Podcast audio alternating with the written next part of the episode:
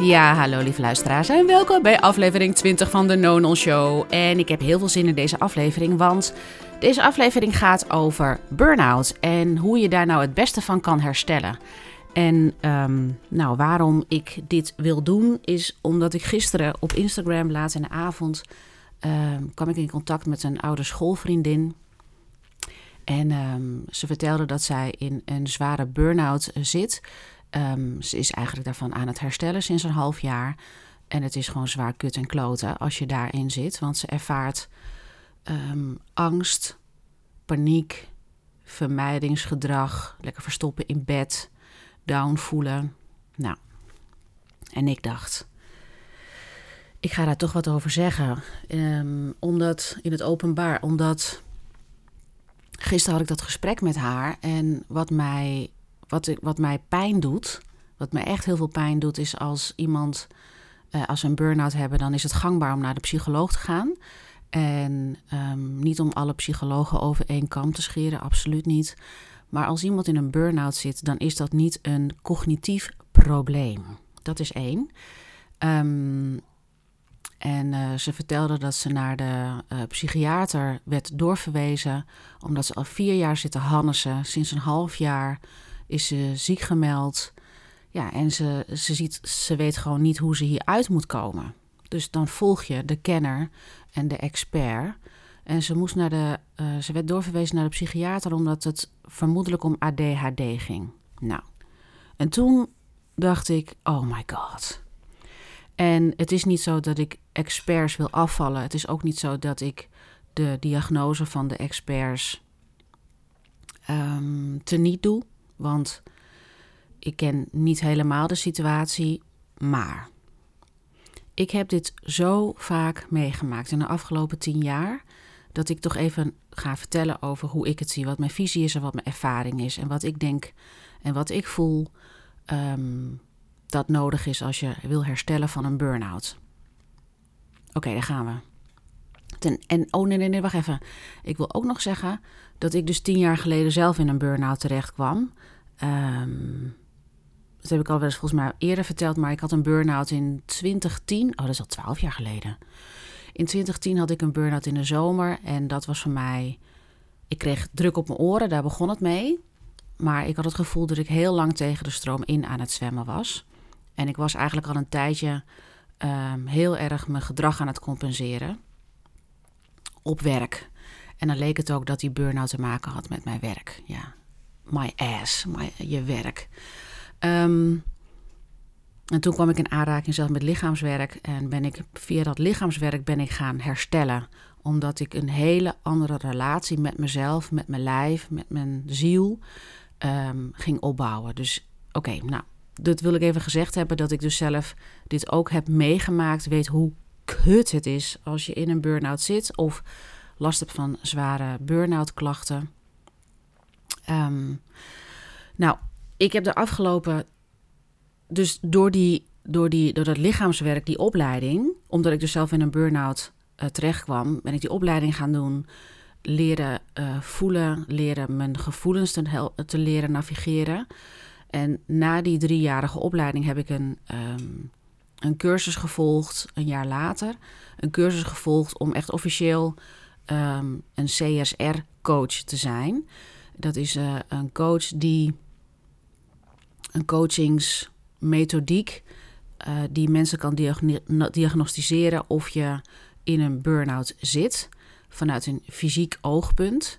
Um, en ik heb, daarna heb ik heel veel mensen mogen begeleiden vanuit, die, uh, vanuit het lichaamswerk, het dieper contact maken met je lijf, het contact maken met trauma, en eigenlijk het, het, uh, het voorstukje, dus dat je kan meten of iemand in een burn-out zit of dat het misschien iets anders is. Maar dus op basis van mijn uh, professionele expertise, mijn eigen ervaring en de ervaring van de afgelopen tien jaar baseer ik deze podcast. En ik wil dat helder hebben, dat je dat weet als luisteraar, omdat er zoveel wordt gezegd over dit stuk burn-out. En het gaat me echt aan het hart, omdat ik weet dat er heel veel mensen rondlopen met chronische stressproblematiek.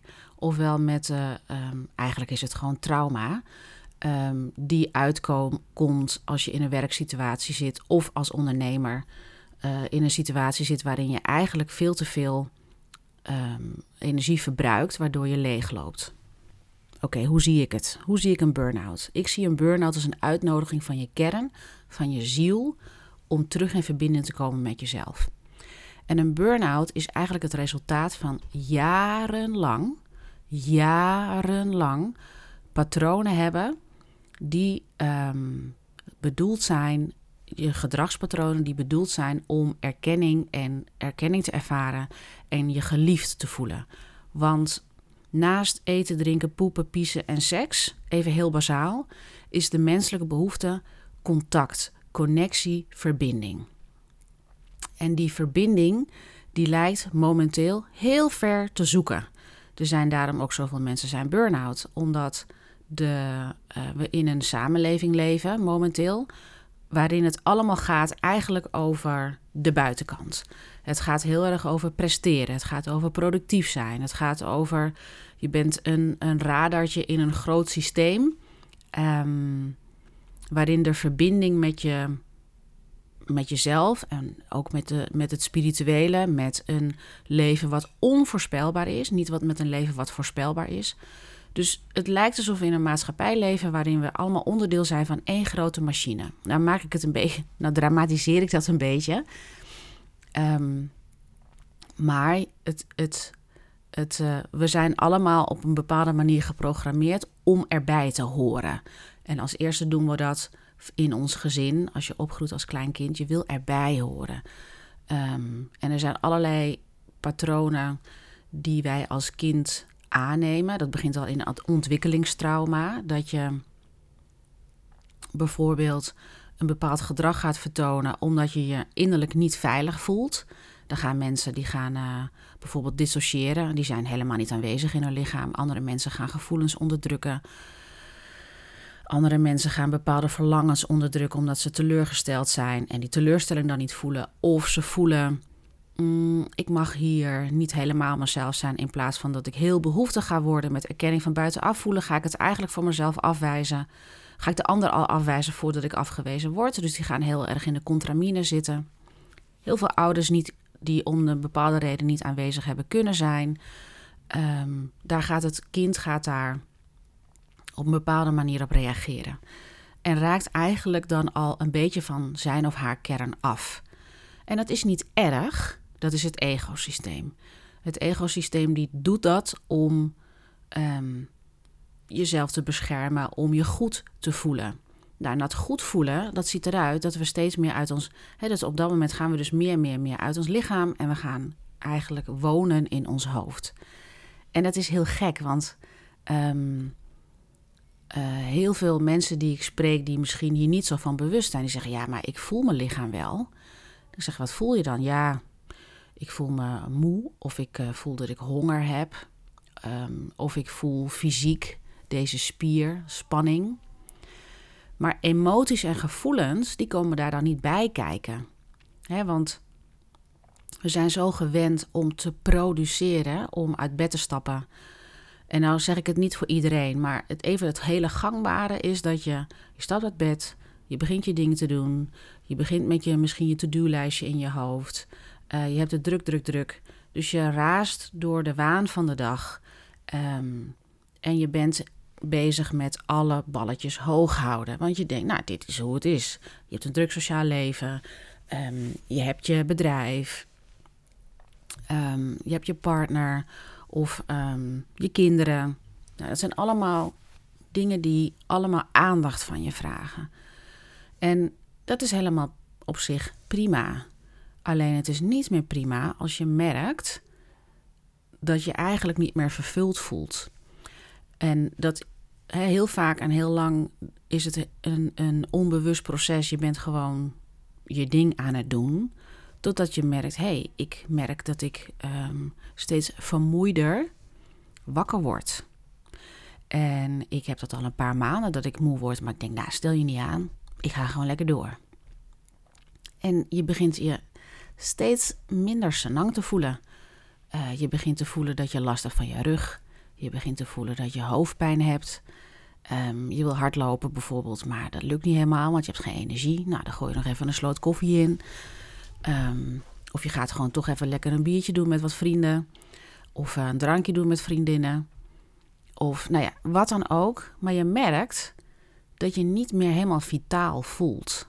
Dat zijn de eerste symptomen dat je eigenlijk meer doet dan dat je oplaadt. Want een burn-out is niet meer of minder dan dat de oplader van je lichaam kapot is. Er zijn vier fases in ehm, het uh, chronische stresssyndroom, wat zo, zo noemen ze dat. De eerste fase is dus dat je moe wordt, moe bent. Je staat moe op. Dat wil zeggen dat je lichaam nog niet helemaal heeft kunnen herstellen van de vorige dag of de vorige twee dagen. Ik heb bijvoorbeeld altijd, ik had uh, donderdag had ik een uh, podcastafleveringen dag, had ik drie mensen uitgenodigd. En dat is vrij intensief. Nou ja, dit is gewoon, het was een intense werkdag. Het was een leuke werkdag. En het was een intense werkdag. Aan het eind van de dag ben ik met een vriendin lekker naar het park gegaan. En hebben we daar ook nog zitten kletsen. Maar ik merkte wel, jeetje, ik ben eigenlijk op. Het was niet helemaal verstandig om ook nog naar het park te gaan. Maar ik had gewoon zin om te. Ja, me even lekker te relaxen. Na de intense, leuke werkdag. Want leuke dingen kosten ook energie. De volgende dag, zat er vrijdag half acht. Dan brengt mijn man brengt de kinderen naar school, tenminste de jongste. En dan maak ik de boterhammetjes klaar. En dan ga ik uh, daarna, geef ik mezelf echt gewoon lekker de hele ochtend vrij. Um, omdat ik toen al merkte, oh ja, ik merk dat ik echt moe ben. Um, en nou is het zo dat omdat ik uh, zeven jaar geleden kanker heb gehad, dat het altijd zo is dat, ik, dat mijn lichaam langzamer uh, door de chemokuren, um, niet door kanker, maar door de chemokuren uh, en de medicijnen die ik toen heb gehad, is het zo dat het mijn lichaam heeft gewoon meer tijd nodig om op te laden. Dat weet ik. Dus daarom, als ik een drukke werkdag heb, dan ga ik de volgende dag kalmer aandoen. Want als ik vol gas geef, dan zit ik op zaterdag met hoofdpijn op de bank. En dat wil ik niet.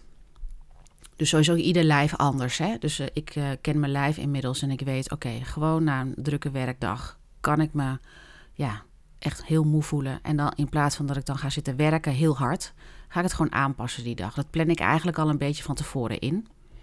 Dus als je daar niet van, hè, als je dat niet weet, hè, dus nogmaals ook eventjes om het fysiek te zeggen, op die vrijdag, als ik me dus moeier voel, dan ga ik het rustiger aandoen, zodat ik het lichaam de gelegenheid geef om het deel wat. Um, ik wil niet, ik wil in Jip en Janneke taal blijven. Nou, we hebben twee, uh, we hebben twee systemen. Dat moet ik ook even vertellen. In het zenuwstelsel hebben we twee systemen. We hebben het uh, sympathische gedeelte en het parasympathische gedeelte. En het sympathische gedeelte is de gaspedaal. Dat is dat activeert ons, dat geeft ons energie. En er gaan allerlei systemen gaan dan allerlei gaan aan. Um, spierspanning, ademhaling, nou, allerlei, allerlei. Ik, wil daar, ik ga daar niet te veel op uh, in detail. Maar dat je weet, je hebt een, je hebt een, een activeringssysteem en je hebt een ontspanningssysteem. In een burn-out is dat ontspanningssysteem, de, de, de, de mechaniek, de dynamiek tussen het gaspedaal en het rempedaal, dat is kapot. En daarom duurt het ook zo ongelooflijk lang als je in fase 4 zit, burn-out, om te herstellen. Ik ga even terug. Fase 1. Dat is als je dus moe wakker wordt. Als je dat een tijdje hebt, nou dat kan zijn dat het ligt per lichaam anders en per systeem en per persoonlijkheidsstructuur. Als je misschien twee, drie maanden moe wakker wordt, en je bent maar niet bezig met dat herstellen, dat je extra ontspanningen inplant, maar je gaat lekkere leuke dingen doen. Leuke dingen kosten ook energie, ik blijf het herhalen. Um, dan kan het zijn dat je nog meer stresssymptomen krijgt. En die stresssymptomen worden verergerd als je bijvoorbeeld het gevoel hebt uh, dat er heel veel machteloosheid is. Bijvoorbeeld als ondernemer, je bent uh, lekker druk aan het werk en of je hebt te weinig klanten voor je gevoel, waar je ontevreden over bent en dan extra hard je best voor gaat zitten doen. En als je dan s'avonds op de bank zit, of je bent aan het hardlopen, of je bent iets anders aan het doen, dan blijf je er maar over doormalen. Dat wil zeggen dat je dus telkens jezelf activeert over een zorg die je hebt. Of je hebt het bijvoorbeeld veel te druk, je hebt te veel klanten. En je blijft maar klanten aannemen. Dan ben je ook jezelf heel erg aan het activeren. Um, want als ondernemer is het altijd vrij lastig om. Want er is de, hè, je, je werk privé. Ehm, het kan lastig zijn als je een zorg hebt in je bedrijf om dat uit te zetten als je in je privé-situatie zit. Dus als je gewoon lekker thuis met je gezin of met je vrienden of met je partner of zonder partner op de bank zit. En ik zeg maar op de bank. Je wil, misschien zit je helemaal niet op de bank. Maar goed, je bent in ieder geval in je, in je privé-situatie, laten we zeggen. Ehm, dan heb je dus te weinig tijd om te herstellen, omdat je jezelf activeert in je hoofd. En dan is het heel belangrijk om extra ontspanningsdingen in te plannen. Want als je in fase 2 zit, dan heb je dat extra pijntje in de rug. En dan merk je dat je misschien lastiger kan concentreren en focussen. Dan merk je dat je een korter lontje hebt. Dat je sneller geprikkeld raakt. Je merkt ook dat je bijvoorbeeld je socialer wat terugtrekt. Dat je denkt, hm, ik ben moe s'avonds. En we zijn allemaal wel eens moe. Maar als je al merkt dat het een soort structureel iets is, dat je eigenlijk aan het eind van de dag geen puff meer hebt om iets anders te doen, dan zit je in fase 2. Dan heb je echt stressklachten. En die stressklachten die uiten zich op het gebied van het lichaam, op het gebied van je hoofd, dus mentaal, uh, je cognitieve functies, kunnen concentreren, um, uh, je kunnen focussen. Um, drie, emotie, uh, het emotionele leven, dat je merkt dat je ofwel helemaal niks meer voelt. Um, dat kan ook, dat je bijvoorbeeld helemaal dat je merkt dat je emotieloos wordt. Want wat het stresssysteem doet, is die denkt telkens dat je door een leeuw wordt aangevallen. Dus het gaat zich voorbereiden op die, uh, op die aanval. Stel je bent een hert en je wordt aangevallen door een leeuw. Dan is dat systeem nog zo ingesteld dat het zich dan gaat voorbereiden op die leeuw. Dus je bent in, in, in alertheid, terwijl die leeuw die is er niet. Die leeuw dat is nu de, uh, de zorg in je hoofd over datgene wat gebeurt in je bedrijf. Um, daar ben je dan de hele tijd mee bezig en dan kan je niet van ontspannen. En omdat wij dus zo'n geweldig ontwikkeld uh, prefrontale cortex hebben, is het zo dat we kunnen ook nog allerlei dingen gaan bedenken en onze stress onderdrukken. Um, mocht je hier nog steeds geen geluid aan geven, dat je, niet zeg, dat, je, hè, dat je dus bijvoorbeeld niet die ontspanning inbouwt, want voor elke ondernemer is het essentieel dat je genoeg ontspanning inbouwt. Dat je kan disconnecten van je bedrijf, want je bedrijf is niet je leven, je bedrijf is je middel om je mooiste leven te leiden. Maar vaak is het zo dat we eigenlijk veel te veel focus brengen naar ons bedrijf, omdat we misschien ontevreden zijn of we ja, we maken ons zorgen omdat er te veel gebeurt of te weinig gebeurt. want het gaat altijd in golven. Het is echt een kunst om een bedrijf in balans te hebben, waarin je zelf dus in balans bent. Ehm, dan heb je fase 4. Nee, sorry, fase 3. Sorry, fase 1 vermoeidheid, fase 2 stressklachten, fase 3 is overspannenheid. Nou, en dan begint het toch echt een beetje de ziekmeldingen te komen. Dat je denkt, ja, ik moet vandaag gewoon vrij, ik kan niet meer. Daar zat ik vorig jaar zat ik daarin. Vorig jaar zomer zat ik daar zelf in. Ik zat echt gewoon eigenlijk zelf in overspannenheid. En ook al denk ik GVD dat me dat weer is overkomen. Maar goed, weet je, uh, we hadden een coronatijdperk wat heel veel, wat heel veel aanpassing, uh, aanpassingen nodig had in mijn bedrijf. Uh, heel veel klanten bleven weg. Er, waren geen, er kwam geen nieuwe aanwas. En heb het eerste jaar heb ik daar een ander businessmodel op aangepast. En ik heb als ik, uh, ik heb gisteren met de boekhouder gesproken. Er was eigenlijk alleen maar 10.000 euro was het verschil tussen 2019 en 2020. Maar ik heb daar wel keihard voor gewerkt. Dat ik alle, met die lockdowns en al die dingen telkens maar aanpassen. Um, ik kon klanten niet meer fysiek ontvangen. Ik kon de retreats niet meer fysiek doen. Nou ja, en wat voor dingen ga je dan wel doen, zodat je nog steeds gewoon je omzet kan genereren. Ja, dat kan makkelijk kan je online doen, maar ik deed ook heel veel lichaamswerk en dat kan je dan niet online. Nou ja, dus um, ik moest daar mijn modus in vinden. Heb ik daar mijn modus in gevonden? Totdat ik op een gegeven moment inderdaad zelf in 2021 merkte, ja, de, de, de, en dat was niet alleen corona. Corona was eigenlijk gewoon de, de laatste avalanche of lawine dat je denkt, ja, wat is dit? Dat ik in juni 2021 zeg, ja, dit gaan we gewoon zo niet meer doen. Ik baalde van het aanbod. Ik, ik uh, merkte dat ik gewoon niet meer tot mijn recht kwam bij mijn klanten. En dat ik zelf iets heb van, ja, weet je, zo gaan we het gewoon niet meer doen. We gaan het anders doen. Dus ik merkte dat ik toen zelf ook in overspannenheid zat. En dat ik te weinig uh, uh, ontspande. Omdat ik gewoon me zorgen maakte over de, de cashflow in mijn bedrijf. En ik denk met mij heel veel ondernemers. En ik spreek het eerlijk uit, omdat ik weet dat heel veel ondernemers hier gewoon niet genoeg over praten. Over die zorgen uh, die ze hebben. Die als je ze gewoon aankaart en dat je al, al hoort van andere ondernemers. Ja, bij mij is het ook gewoon uh, ruk gegaan. En uh, nou, hoe ben je daar dan mee omgegaan?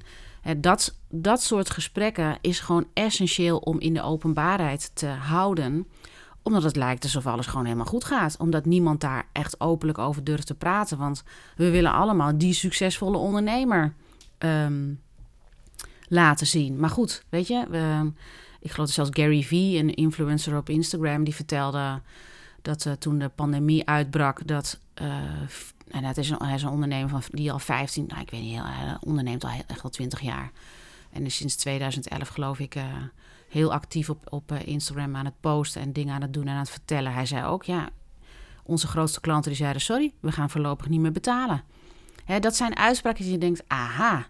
Dus het is een soort geruststelling dat iedereen het echt kut heeft gehad. En dat er heel veel bedrijven oh, ja, uh, het hebben kunnen overleven door steun. Maar er zijn heel veel ZZP's die hebben gewoon hun, hun, uh, hun, hun beroep aan de wilgen moeten hangen. Die hebben gewoon een ander beroep moeten gaan zoeken. Ik geloof dat een zanger, die werd een hovenier. Nou ja. Maar dat heeft dus... Ja, niet iedereen gaat er dus anders mee om. En um, ik heb mijn bedrijf omgegooid en een manier... Daarom ben ik het afgelopen jaar en ik ga er nog steeds alleen. Ik merk nu dat ik steeds meer, oh ja, dus ondernemen vanuit de kern. Dan ben ik zelf heel erg gaan onderzoeken en gaan ervaren hoe is dat. Um, dat heb ik dus sinds vorig jaar gedaan. En daar tools voor uh, leren. Daarom ben ik met een business coach aan de slag gegaan. Om die balans zelf te kunnen bewaken. En ik had zelf al een aantal tools, soort leren luisteren naar je lichaam. Um, maar ik maak nog heel eventjes het verhaaltje af over die fases. Wat ik vertelde over. Je hebt eerste fase vermoeidheid, dat is een x aantal tijd. Tweede fase is stressklachten. Derde fase overspannenheid. Dat vertelde ik zelf in een persoonlijk verhaal. Met wat ik daar ervaarde. En dan komen we in een burn-out. Overspanning is niet meer en minder dan dat je te geactiveerd bent. Je bent zo geactiveerd dat je niet meer kan ontspannen. En dat is niet jij als persoon, dat is je zenuwstelsel. Die kan niet meer tot rust komen, omdat uh, je te geactiveerd bent. Dus er is tussen het gaspedaal en het rempedaal is er een disconnectie gekomen. Nou, en er zijn allerlei fysiologische processen in het lichaam. Dat is gewoon puur biologisch, dat is puur fysiologisch. Uh, fysiologisch wil zeggen dat het echt fysiek is, biologisch. Um, dat maakt dat ja, je niet meer lekker rustig bijvoorbeeld in bed kan liggen. Dus de meeste mensen ervaren gewoon dat ze s'avonds bijvoorbeeld rechtop in bed liggen... of dat ze moeilijk in slaap komen, dat ze veel piekeren... Um,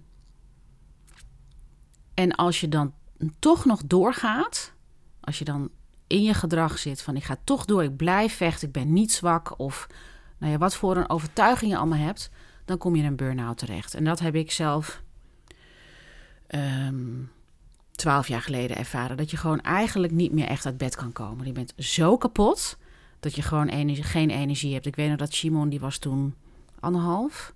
Nou, die ging gewoon vier dagen naar de, naar de kinder, kinderopvang. Ik heb me toen, toen werkte ik als business consultant bij een groot internationaal consultancybedrijf. En toen heb ik, toen had ik nog alleen Simon, die was inderdaad anderhalf. En die heb ik, die heb ik heb gewoon vier dagen naar de opvang gebracht. Dan stond ik op, bracht ik hem naar de opvang en ik ging weer terug naar bed. En wat ik zo mooi vond, is dat toen heb ik een. Uh, toen had ik gelukkig kende ik een coach die die loopbaancoaching met mij had gedaan om te onderzoeken waar word je nou blij van. En die vertelde mij toen: Ik kan je hier ook mee helpen. Ik uh, kan je een test doen om te kijken in hoeverre jouw lichaam herstelt naar activatie. Dus als je burn-out ziet als een ziekte uh, tussen. Um, of ziekte, de, ziekte het, je, het is een lichamelijke. Het is een lichamelijk iets. Um, tussen dat gaspedaal en het rempedaal. Dat werkt niet meer. Dus de oplader van je telefoon is gewoon kapot. En als je daarin zit, dan kan je alleen maar stoppen met werken, stoppen met alle belasting die je, die je hebt. Ook al ben je ondernemer of zit je in loondienst En ik zeg het omdat ik, omdat ik hoop dat, deze, eh, dat die vriendin die ik gisteren sprak, daar is het voor bedoeld. En voor alle andere mensen die uh, hier baat bij hebben. Maar het is vooral dat ik denk, ja, als zij dat heeft, dan hebben zoveel andere mensen dat. En ik, ga me, ik moet hier gewoon over uitspreken. Ook al ben ik niet meer degene die burn-out. Um, ik, ik begeleid alleen nog maar mensen die een burn-out hebben als ondernemer.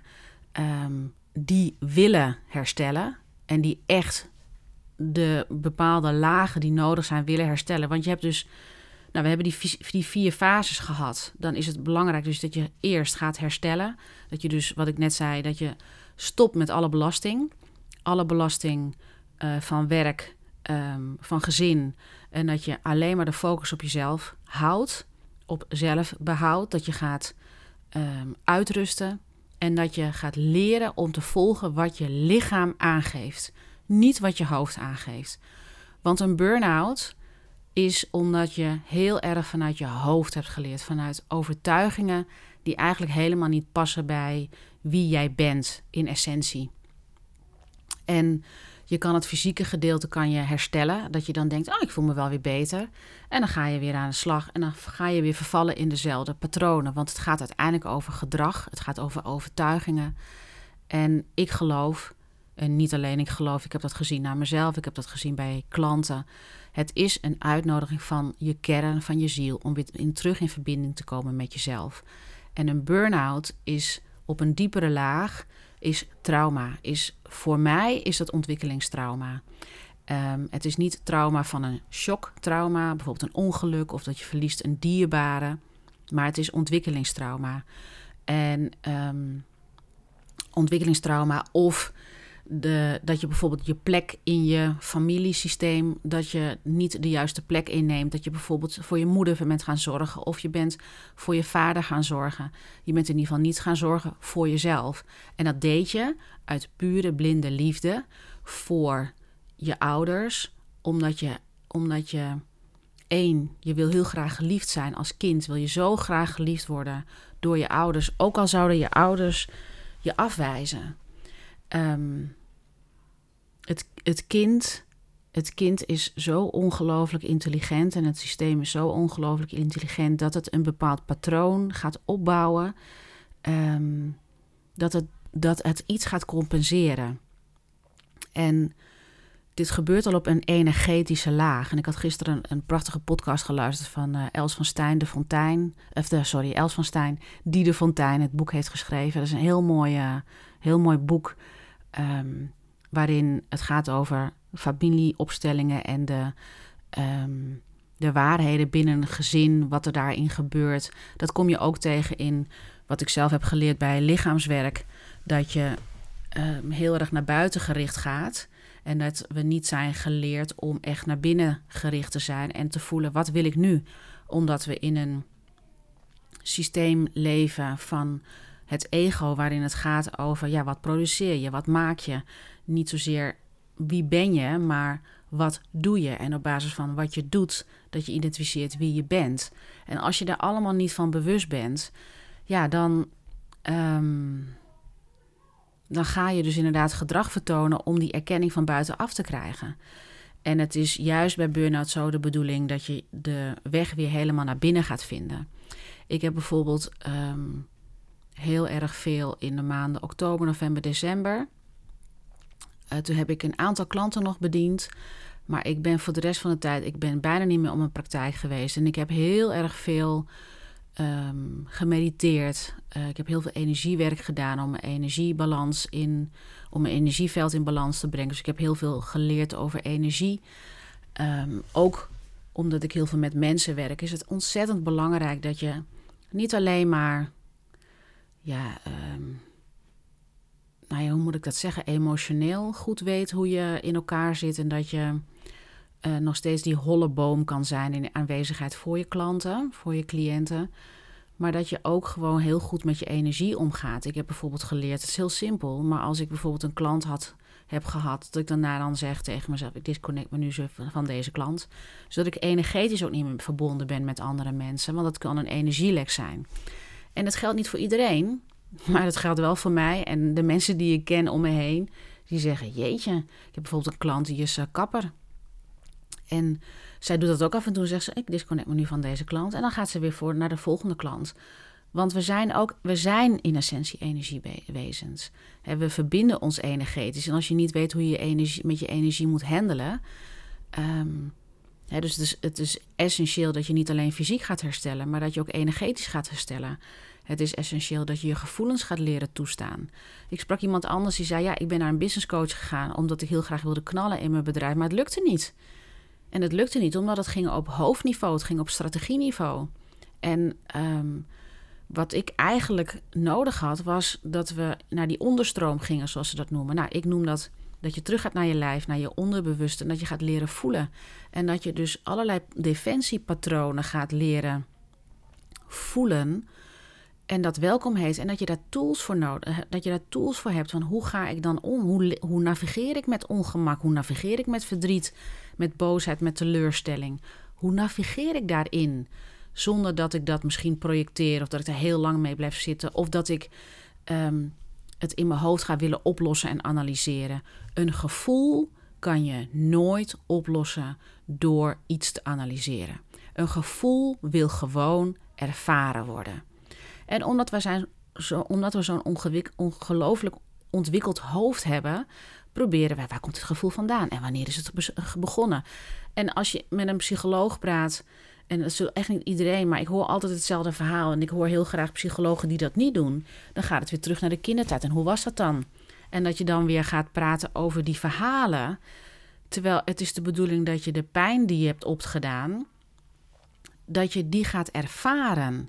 En dat het niet een verhaal wordt van, ja, mijn vader deed me dit aan, deed mijn moeder deed me dat aan. Ik zeg maar wat, hè?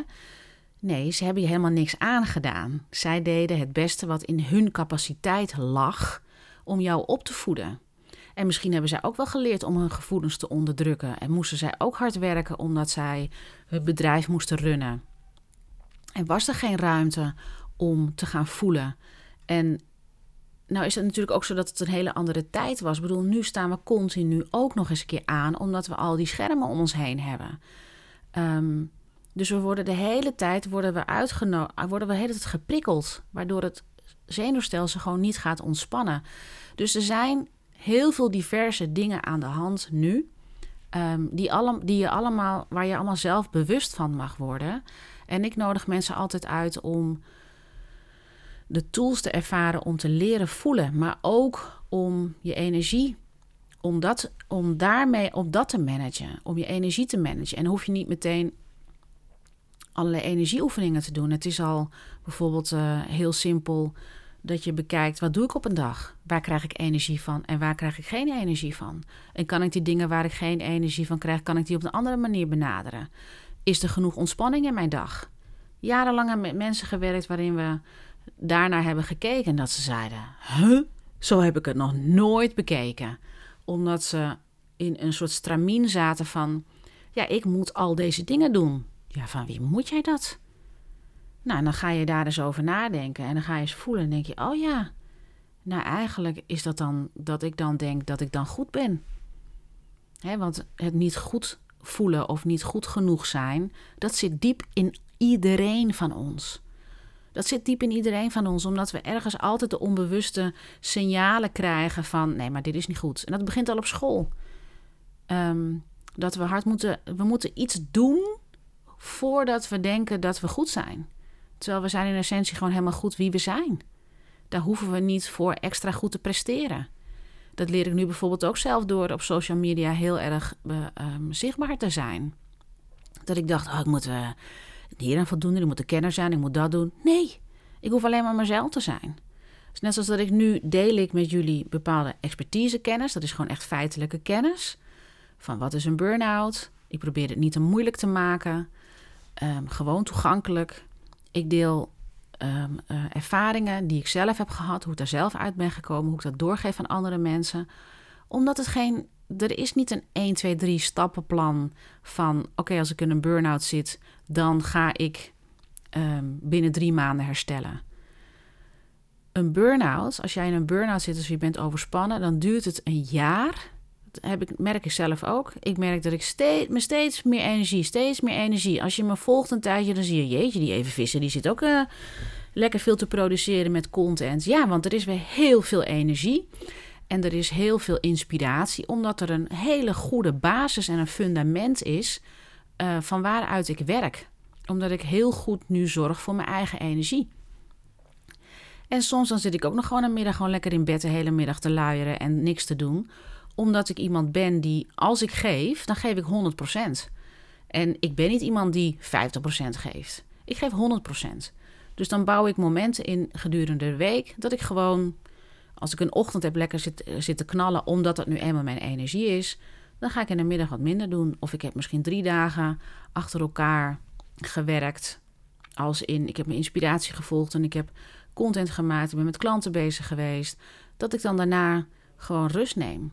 En dat werkt voor mij. En voor iedereen werkt het op een andere manier. Burnout is een uitnodiging om terug te gaan naar je kern. En het is ook een heel spiritueel iets. Want uiteindelijk is een burn-out een uitnodiging om weer helemaal in afstemming te komen met wie je werkelijk bent. Dat jij helemaal tot leven komt en dat jij helemaal mag zijn wie jij bent. Met alle overtuigingen die je hebt, met alle gevoelens die je hebt, met alle mooie kwaliteiten, met alle misschien hoe, hè, dat, dat ligt ook maar aan hoe je dat kwalificeert, met sommige mensen zeggen minder mooie kwaliteiten. Dat is niet eens in vragen want als je bijvoorbeeld zegt mooie kwaliteiten, minder mooie kwaliteiten, dan ga je al een, een, een uh, dan ga je al een, uh, hoe zeg je dat, de afscheiding maken. Terwijl als je vanuit het hart en vanuit het buik leeft, weet je, de, het bewustzijn van de buik zegt mooie kwaliteiten, minder kwaliteiten, ik ben gewoon wie ik ben. Dat doet er niet toe. Vanuit je hart is het, ik heb mooie kwaliteiten en minder mooie kwaliteiten en dat is helemaal prima. Kijk, het hoofd die zegt mooie kwaliteiten en minder mooie kwaliteiten. Die maakt dus die splitsing weer in een box. Ik nodig je uit om weer naar je lichaam te gaan, naar je kern te gaan. Ehm, ik hoop dat je wat aan deze aflevering hebt gehad.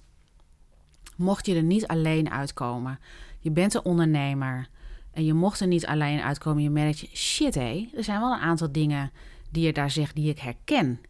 Ik wil ook gewoon graag weer heel veel energie voelen. Ik wil ook gewoon leren om mezelf in balans te brengen, inspiratie te voelen, voldoening te voelen. En dat ik op, op die manier mijn bedrijf leid. Dan moet je bij mij zijn, want dat is mijn expertise. Dat is, dat is wat ik zelf, nou ja, wat ik zelf jarenlang heb zitten trainen in mezelf. En als ik dan merk, oh, ik ben helemaal uit balans, dat ik, dat ik dan leer, oh ja, ik ben uit balans. Hoe, wat voor een tool zijn er nodig? Maar ook Soms is het gewoon alleen maar nodig, en dat vind ik het aller, aller, allerbelangrijkste. Soms is het alleen maar nodig dat je weet dat iemand daar naast je staat. Dat zei een klant van mij ook, die zegt... ik vind het zo fijn om te weten dat jij naast me staat... en dat ik, als ik iets heb wat ik wil adresseren... wat ik misschien niet met mijn compagnons kan doen... dan kan ik naar jou toe. En dan kan ik bij jou kan ik een, eh, een appje inspreken... of ik weet dat ik sessies heb met je. Want als je met mij werkt, dan ben ik gewoon beschikbaar wel gewoon in kantoortijden met mensen sturen me gewoon een appje als ze willen inspreken. Het gevoel hebben dat je er niet alleen voor staat. Mocht jij meer willen weten en heb je interesse, ik bied een één op één no business programma aan voor ondernemers die graag vanuit vervulling, vanuit plezier en vanuit inspiratie willen werken. Dus stuur me een DM op Instagram of een uh, mailtje naar contact.evavisserplaza.com. Ik heb nog geen website, maar daar ben ik, ben ik echt druk mee bezig om dat te doen. Zodat je ook gewoon meer kan lezen erover. Maar ik kom echt gewoon graag in contact. Um, ja, vertel wat, wat je nodig hebt, waar je zit. En dan kunnen we kennismakingsgesprek inplannen. En dan uh, hoop ik dat we een uh, match zijn. Want het is echt super kut als je je zo voelt. En het kan echt anders. En daar ben ik het levende bewijs van, keer op keer op keer op keer. Ik heb hier echt heel veel ervaring mee en ik wil je heel graag helpen. En ik hoop dat deze aflevering je heeft geholpen. Ik hoop dat het een soort positieve kijk geeft op burn-out. Dat het niet een probleem is en dat het een uh, uitnodiging is van het leven. Een liefdevolle uitnodiging om echt terug te gaan naar je eigen kern. Nou, daar eindig ik mee. Ik uh, wil je hartelijk danken voor het luisteren naar deze aflevering. En ik spreek je snel weer. Doei doei!